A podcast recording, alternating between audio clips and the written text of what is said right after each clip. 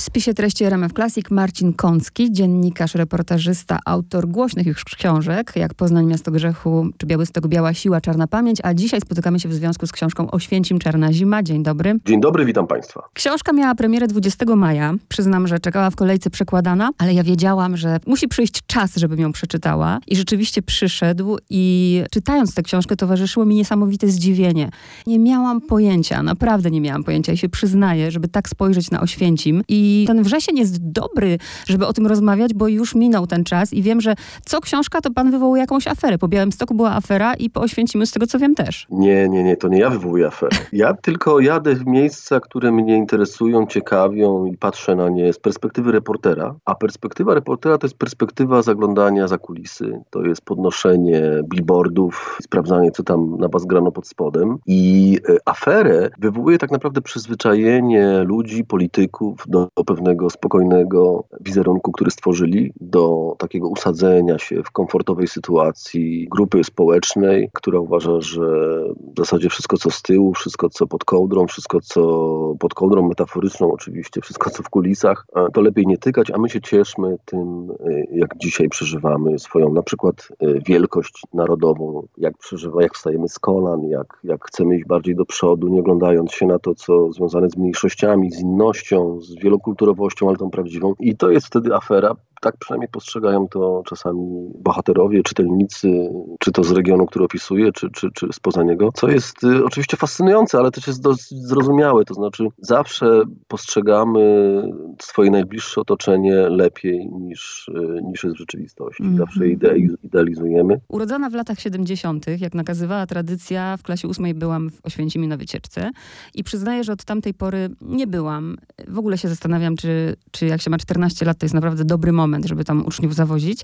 I chcę zapytać o pana doświadczenia. Od razu nawiązuję do pomysłu tej akurat książki i Oświęcimia, no bo Poznań, Białystok, ale ten Oświęcim skąd się wziął? E, Oświęcim się wziął z przypadku. Ja tam pojechałem na zaproszenie Centrum Żydowskiego Tomka Kuncewicza i jego współpracowników, promując Białystok. 2015 to był jesień i wysiadłem z pociągu, przeszedłem sobie e, bulwarami, przeszedłem przez miasto, bo jeszcze miałem chwilę czasu i pomyślałem sobie, ja nic o tym mieście nie wiem. Wszystko mi się zgadzało, gdy stałem na parkingu. Zobaczyłem Achtung Zug, czyli zobaczyłem ironię, którą sam w sobie wywoływałem. Idąc przez miasto, dalej szukałem tej ironii. Uwaga, zły pies, najtańszy gaz w mieście. Nagle zdałem sobie sprawę, że się wstydzę sam swoich myśli, tego, że tej ironii szukam, tego, że mam kod kulturowy związany z tym, że Oświęcim to Auschwitz, Auschwitz to Oświęcim. Mm. E, przypomniałem sobie kolegę gdzieś z jakiegoś obozu kolonijnego z lat 80., który powiedział, że jest z Oświęcimia, więc się z niego nabijaliśmy. I, I pomyślałem sobie, jeśli ja mam taki kod kulturowy, jeśli ja w ten sposób postrzegam to miasto, jeśli ja nic o nim nie wiem, nie mam pojęcia jaka jest jego historia i później pamiętam idąc, zobaczyłem na tablicy, że to miasto ma 800 lat, to zdałem sobie sprawę, że naprawdę to miasto jest kompletnie zapomniane, jeśli chodzi o swoją historię i o to, jak jest postrzegane w społeczeństwie. I oczywiście zrobiłem taki krótki test po powrocie, to, że popytałem kilka osób, osób, jak sądzisz, ile mieszka osób w Oświęcimiu, jaka jest jego historia, nikt tego nie wiedział. Każdy był przekonany, że Oświęcim to jest po prostu obóz, może z jakimiś y, nieopodal domami, mieszkańcami, którzy próbują sobie tam jakoś życie ułożyć. I, I, proszę zobaczyć, pani mówi, że, że też się dziwiła czytając książkę, bo z drugiej strony ten kod Oświęcim, to słowo, to jest jak pieczątka. Tak. Jak pieczątka wbita w mózg, pieczątka, która równa się okrucieństwo, równa się faszyzm, hitleryzm, równa się zagłada Żydów. Nie mamy ze słowem Oświęcim żadnych skojarzeń, które dawałyby w tym skojarzeniu odrobinę życia. I mam też taki eksperyment, eksperyment. Proszę sobie wyobrazić, pani redaktor, że zawiązuje pani oczy w Krakowie, wiozę panią przez powiedzmy półtorej godziny, zdejmuje pani opaskę i widzi pani jedne z najpiękniejszych bulwarów w Polsce,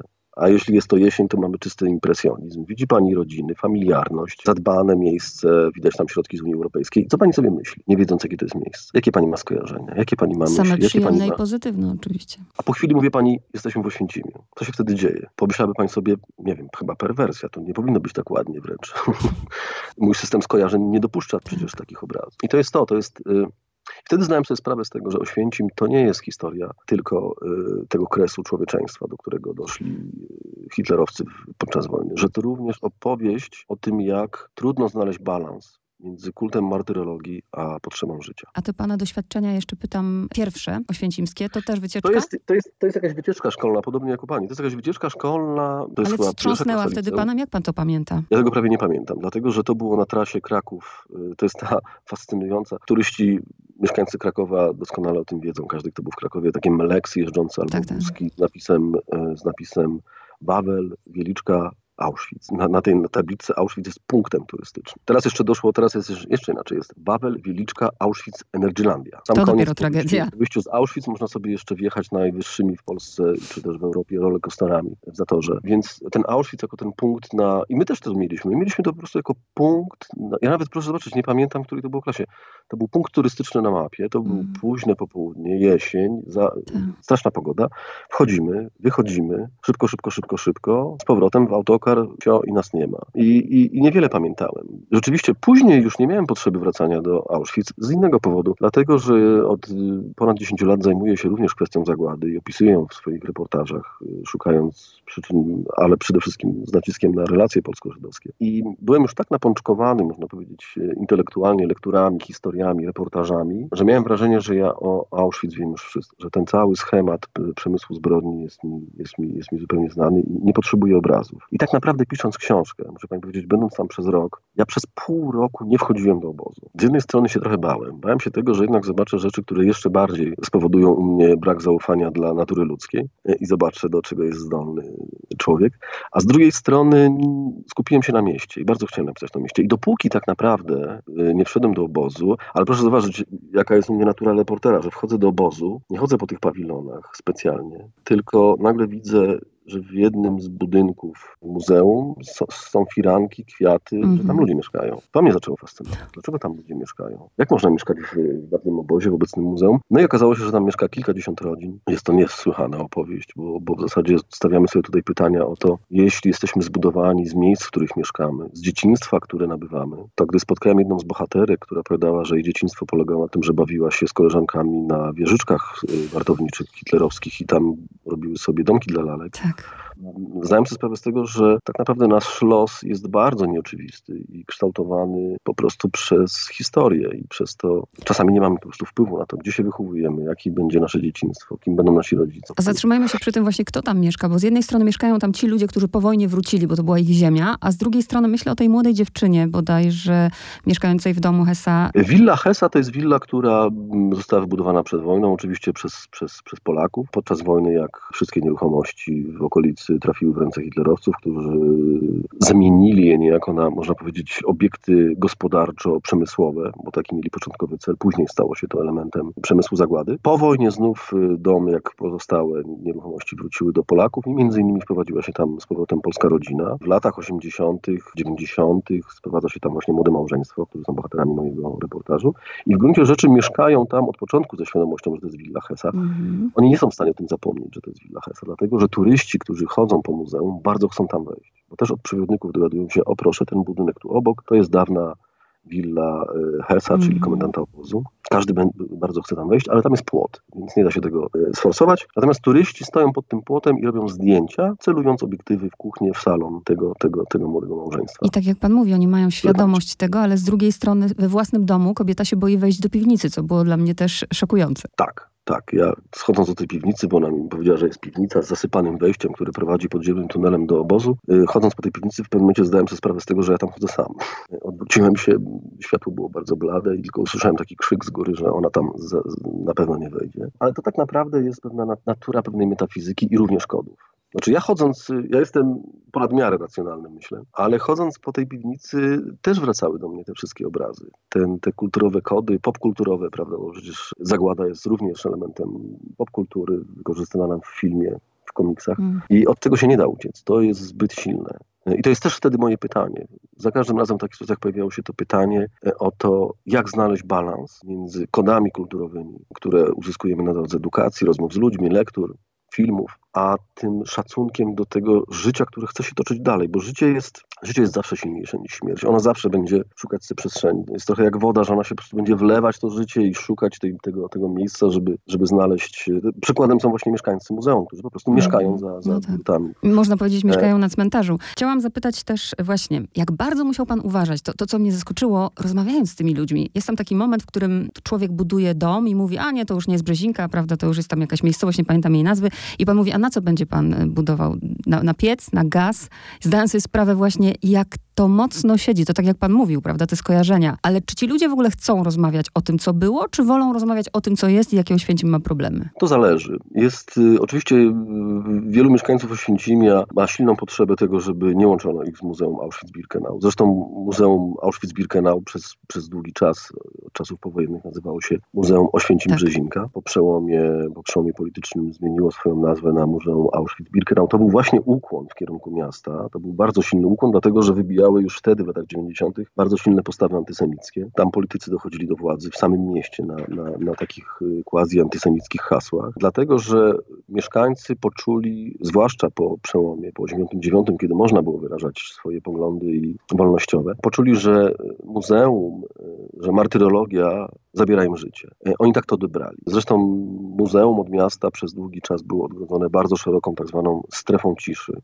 Zachowania związane z szacunkiem do martyrologii musiały być bardzo silne, o wiele y, mocniejsze niż w samym mieście. Na przykład zakaz wywieszania prania, anten satelitarnych, czyli wszelkiej symboliki, która mogłaby naruszać powagę symboliki Muzeum Auschwitz-Birkenau i Zagłady Żydów. Z jednej strony oczywiście można zrozumieć y, potęgę, potęgę tej zbrodni i tego, że w gruncie rzeczy tak naprawdę wszyscy szukali środków na upamiętnienie, a z drugiej strony jak zrozumieć mieszkańców, którzy po prostu chcą żyć, prawda?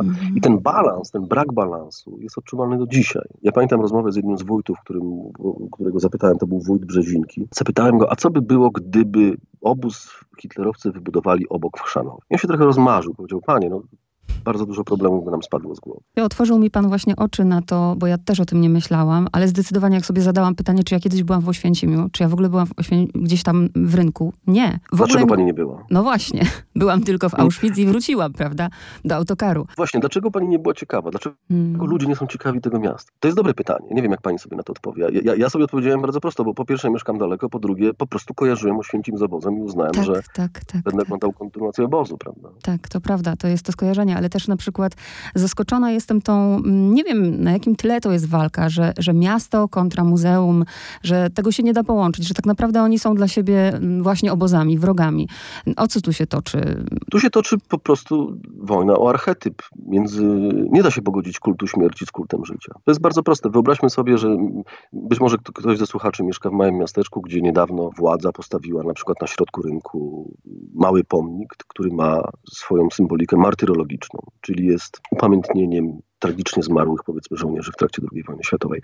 Ale załóżmy, że wcześniej na tym placu odbywało się wiele hucznych, ciekawych imprez. I teraz, jeśli postawiono nam na środku pomnik martyrologii, to znaczy, że wokół niego już nie wypada się bawić. Bo jeśli na tym pomniku na przykład stoi kobieta z mężczyzną i podpisane jest, że są to ofiary takiej czy innej e, polityki, która była bardzo nieludzka, to teraz jak zrobić tam na przykład festyn kulinarny? To jest w ogóle taka teoria urbanistyczna opisana w wielu książkach socjologicznych, mówiąca o tym, że pomniki, martyrologia powodują wygaszenie życia e, w danym miejscu. I to jest oto spór. To jest, to jest pytanie, pytanie, jak żyć w miejscu, którym każdy inny uznaje, że to życie jest beznadziejne, mm-hmm. albo że to życie znieważa w ogóle pamięć o, o zmarłych. Kilka dni temu, y, kilka dni temu okazało się, że w klubie hokejowym Unii Oświęcim będzie grał izraelski hokeista. Jeden z rabinów ze Stanów Zjednoczonych napisał w swoim twicie, że obraża to, wszystkich Żydów, którzy zginęli w Oświęcimiu, a mieszkańcy Oświęcimia, mieszkając tam, są dalej odpowiedzialni za tę zbrodnię. Niesłychany zupełnie. Niesłychany, kompletnie pozbawiony nie tylko wiedzy historycznej i, edukacyjnej, tak. i, i edukacyjnej, ale również mało empatyczny i pokazujący, że że czasami głupoty może pisać każdy. W ogóle tych paradoksów. Ale pana... też pokazujący, mhm. jak silny właśnie, jak silny bardzo jest z jednej strony potrzeba upamiętnienia czegoś, co...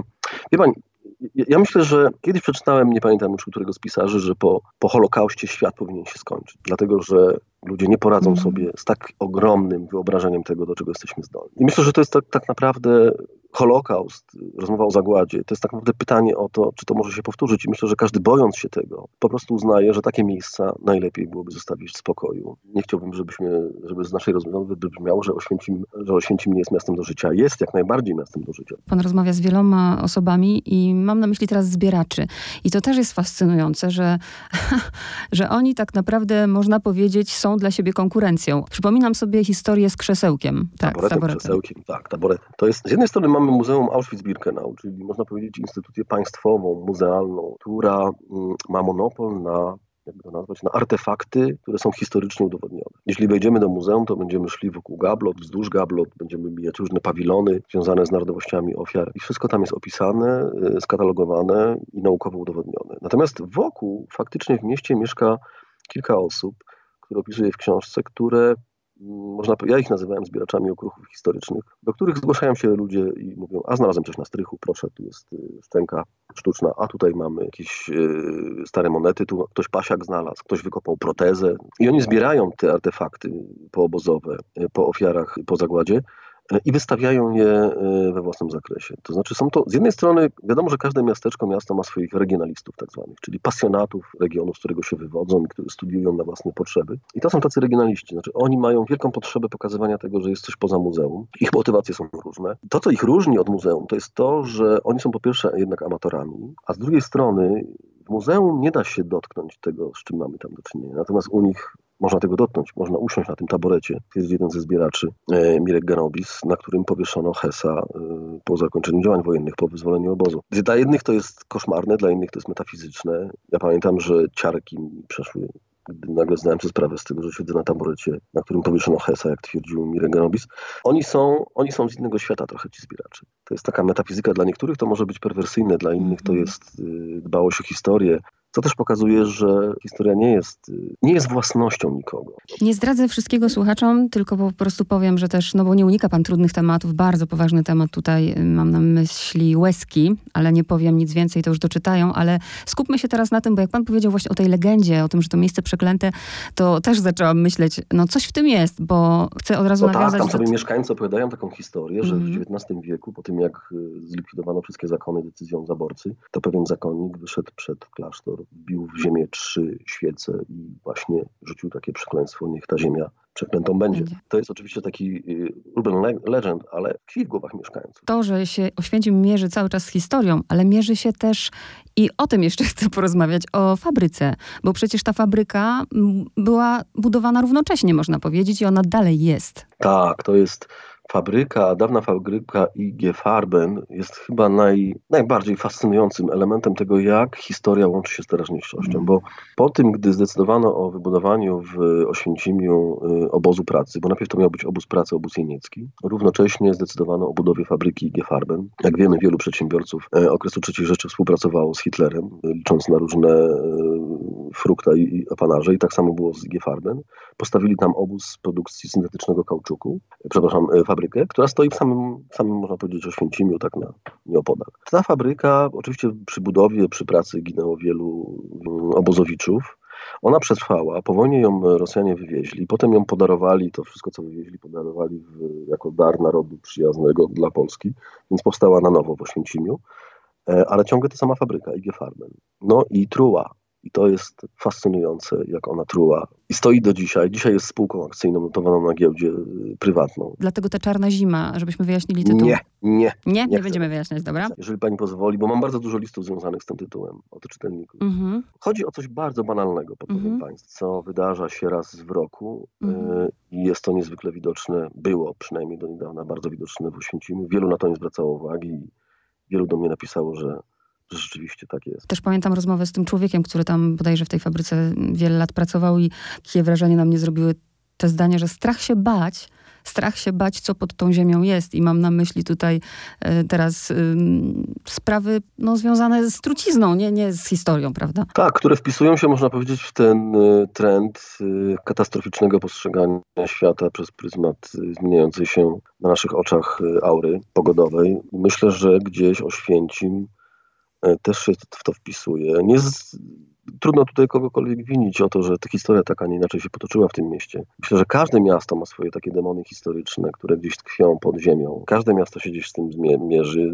Nie dlatego, że mieszkali tam źli ludzie, czy mieszkają, tylko dlatego, że w ogóle Polska leży w takim geopolitycznym zakątku, który, e, przez który ta mm, wichura wojen, konfliktów społecznych się zawsze przewijała i zostawiała po sobie takie ślady. I tak, to co tkwi pod ziemią Oświęcimia, sam jestem ciekaw, jak to w rzeczywistości wygląda i co się z tym stanie i czy jest tak źle, jak twierdzi jeden z, z mieszkańców. To, że mi pan otworzył oczy, bo ja naprawdę wstyd, ale myślałam faktycznie o tym Oświęcimiu jako o Auschwitz i to było tożsame i nagle... Proszę się przejmować, ja też się wstydziłem. Ta książka powstała z mojego wstydu. Jest mnóstwo mocnych momentów. Pamiętam taki moment, jak oprowadza mm, pana kobieta i, i pan z okna widzi, prawda, krematorium, drut kolczasty. Dla mnie to po prostu... A teraz no jeszcze... po prostu z salonu widok na krematorium, z kuchni na druty kolczaste i jeszcze z drugiego pokoju na wieżyczki. Ale myślę też o tych młodych, młodych całkiem ludziach, bo też fajnie pan kończy książkę, ten pomysł, ten pomysł z listami też nie zdradzam, bardzo fajny jest. I o tym, co się dzieje akurat w ostatnich paru dniach jest o tym głośno. Bardzo jestem ciekawa pana zdania, bo muzeum zresztą mm, się odniosło do tej sprawy, że powstał taki niesamowicie modny trend na TikToku, gdzie młodzi ludzie charakteryzują się na ludzi z obozu, puszczają w tle muzyczkę i w, tak, w taki sposób uważają, edukują. Widział pan takie filmiki? Tak, widziałem. Ja, ja specjalnie sobie przejrzałem te TikTokowe prezentacje ludzi i przyznam szczerze, nie mam z tym problemu. To znaczy, oczywiście dla kogoś, kto mm, postrzega, postrzega Holokaust i zagładę mm, jako taką e, niezwykle e, trudną do zrozumienia, można powiedzieć, w dziejach historii skalę okrucieństwa. Rozumiem głosy oburzenia, że można się na to oburzać, ale mm, dla mnie, jako dla reportera, niedorobionego socjologa, to jest jednak pewien proces, wydaje mi się, związany z tym, że dzieciaki próbują sobie po prostu z tym poradzić. Mm -hmm. to znaczy, ja staram się rozumieć. Y, powiem panu właśnie jeszcze o takim moim doświadczeniu.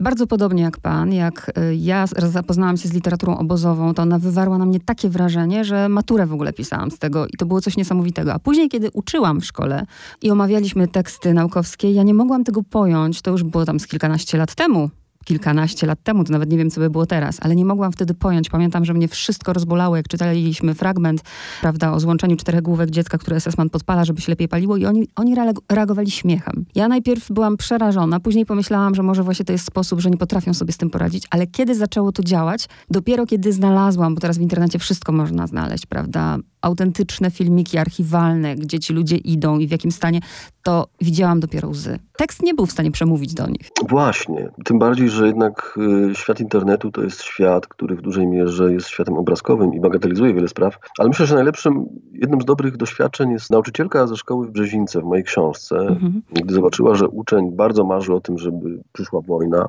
on chciałby się bawić w wojnę, zrobiła z nim takie doświadczenie, gdy wrzuciła go niejako w takim wyobrażeniu w ten świat. I trzymała go w swoim gabinecie i on mówi, przepraszam, jestem głodny. Ale mamy wojnę, chciałeś wojnę. Na wojnie nie ma jedzenia. No to ja chcę do rodziców. Twoich rodziców już nie ma. To jest wojna. I ona go prawie doprowadziła, nie wiem, czy to nie była zbyt okrutna metoda pedagogiczna, ale doprowadziła go prawie do płaczu, gdy on zdał na sobie nagle sprawę z tego, że mm, wojna, gdy dotyka mnie i moich bliskich, staje się naprawdę okrutna. Myślę, że jednym z walorów edukacji jest to, aby dzieciakom pozwolić pomyśleć, co się dzieje, kiedy to okrucieństwo, nienawiść, które sam siejesz w internecie, dotyka ciebie. I dopiero współuczestniczenie w czymś takim, myślę, wywołuje pewną refleksję. Ten śmiech, o którym pani mówi, wydaje mi się, że albo jest formą rzeczywiście odreagowania, mhm. albo niezrozumienia, albo po prostu odpychania od siebie takiego, mhm. tych, takich doświadczeń.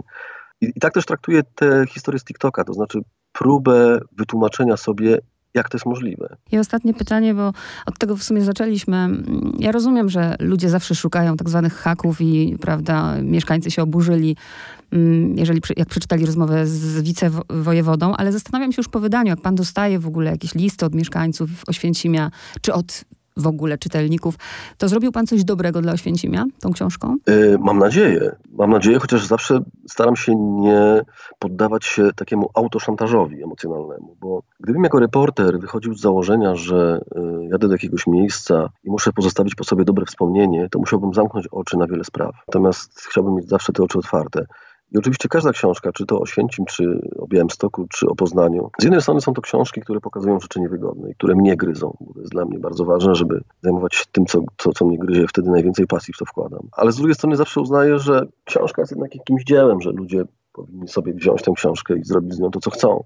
Inni mogą uznać, ok, tak jak w Białymstoku kilka osób zróbmy coś, no, jeszcze mocniej. Można coś zmienić wokół siebie, można nie zmieniać, można się nie zgadzać z autorem, można książki nie czytać, można nią rzucić o ścianę, można się obrazić. Gdy się jej oddaje ludziom, tak naprawdę przestaje być własnością już autora i zaczyna, zaczyna krążyć, wzbudzać różne emocje, zaczyna się dyskusja, pojawia się krytyka. Nie mam na to wpływu i w zasadzie pogodziłem się z tym, że w zasadzie nie chcę mieć na to wpływu. Aż mnie korci, żeby zapytać, e, zapytam, wiem, że pan nie odpowie, ale co mi tam, gdzie Marcin Ale Kącki, proszę, ja- gdzie Marcin Kącki teraz e, pojedzie, w, myślę o mieście, i o którym będzie pisał. No mam kilka pomysłów, ale też wszedłem mocniej w teatr, robię dramaturgię, spektakli, też tematów, które oczywiście bardzo mnie interesują i zajmują i z którymi się zamierzam zmierzyć. E, Wie Pani co, mam tyle pomysłów i tyle projektów i tyle historii, e, że nie chciałbym któregokolwiek z nich wyróżniać, ale zapewniam, że zarówno tym słuchaczom i czytelnikom, którzy lubią mnie czytać i tym, którzy nie lubią mnie czytać, że wrócę. Zabrzmiało jak groźba. Ja się bardzo cieszę i gorąco polecam Nie, naprawdę nie, tę nie, książkę. nie, proszę tak nawet nie mówić. Wrócę. ja uważam, że zabieram, ja widzę siebie najkrócej, gdym miał powiedzieć, ja zabieram czytelników swoją przygodę. Mhm. Jedni wejdą na mój statek, inni nie wejdą. Ja wchodzę. Dziękuję bardzo. To ja zabiorę. Wszystkiego dobrego, dziękuję.